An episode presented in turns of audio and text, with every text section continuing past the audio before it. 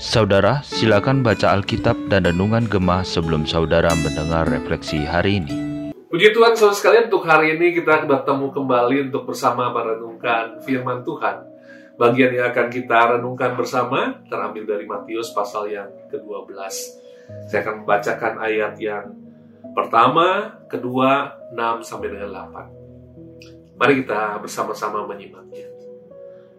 Pada waktu itu pada hari Sabat, Yesus berjalan di ladang gandum karena lapar, murid-muridnya memetik bulir gandum dan memakannya.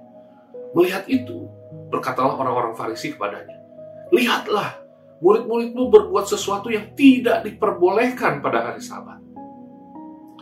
Ayat yang keenam, Aku berkata kepadamu, di sini ada yang melebihi bait Allah.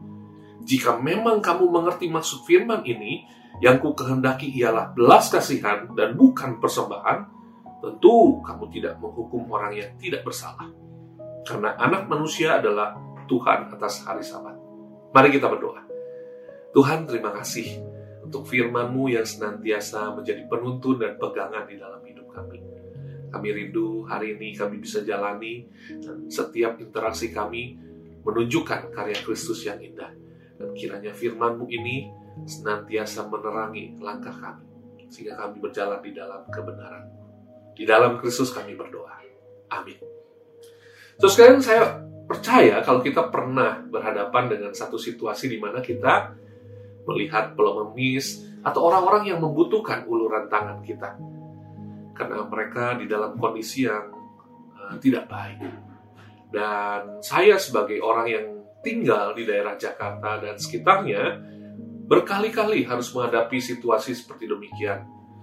Tetapi saya juga diperhadapkan dengan aturan dari pemerintah daerah yang tidak memperbolehkan untuk memberikan sesuatu, memberikan uang atau apa pun kepada pengemis, dikarenakan itu bisa membuat pengemis itu e, mungkin terus menjalankan profesi itu.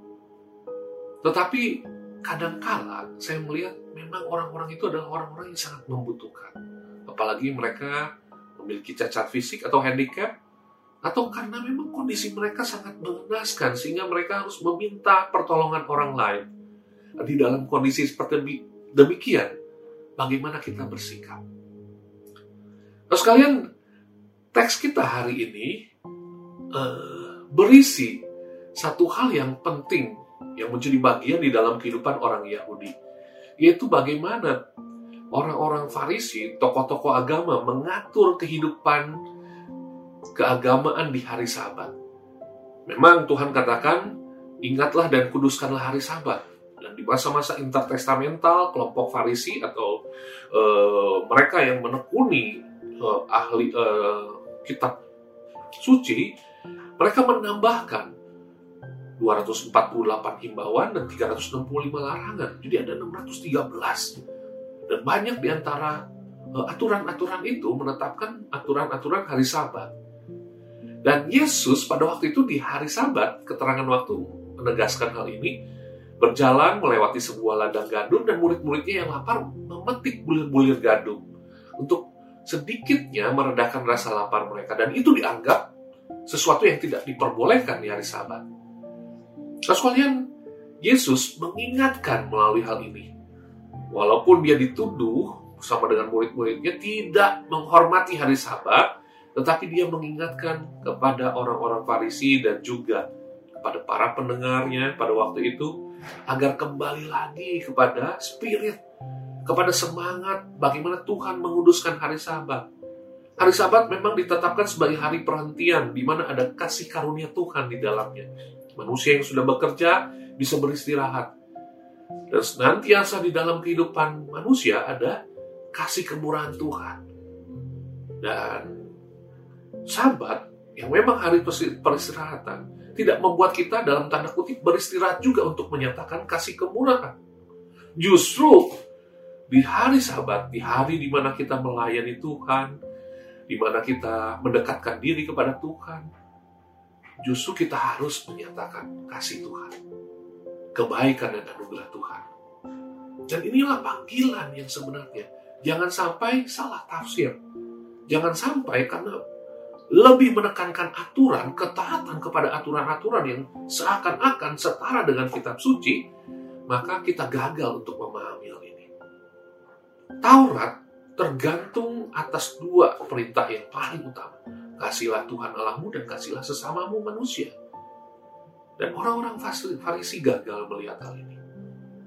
Terus kalian, hari ini kita belajar bagaimana kita lebih mengedepankan kasih, kemurahan, dan khususnya belas kasihan. Ketika ada orang-orang yang di dalam kondisi tertentu, apakah kita tetap di dalam aturan-aturan yang justru menjadi penghalang kita untuk melakukan ibadah aktual kita? Menunjukkan kasih Tuhan yang sesungguhnya di tengah kehidupan kita. Kiranya Tuhan menolong kita untuk selalu mengingatkan bahwa setiap waktu, setiap keadaan seharusnya membawa kita untuk menunjukkan bahwa kita adalah anak Tuhan yang dipenuhi kasih, dipenuhi kemurahan, dipenuhi belas kasihan. Tuhan menolong kita sekalian. Mari kita berdoa. Tuhan terima kasih untuk firman-Mu.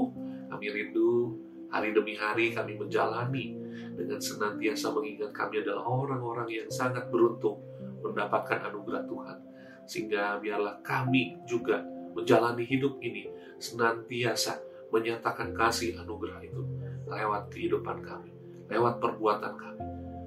Terima kasih ya Tuhan. Di dalam Kristus kami berdoa, bersyukur. Amin. Tuhan memberkati kita sekalian, saudara sekalian.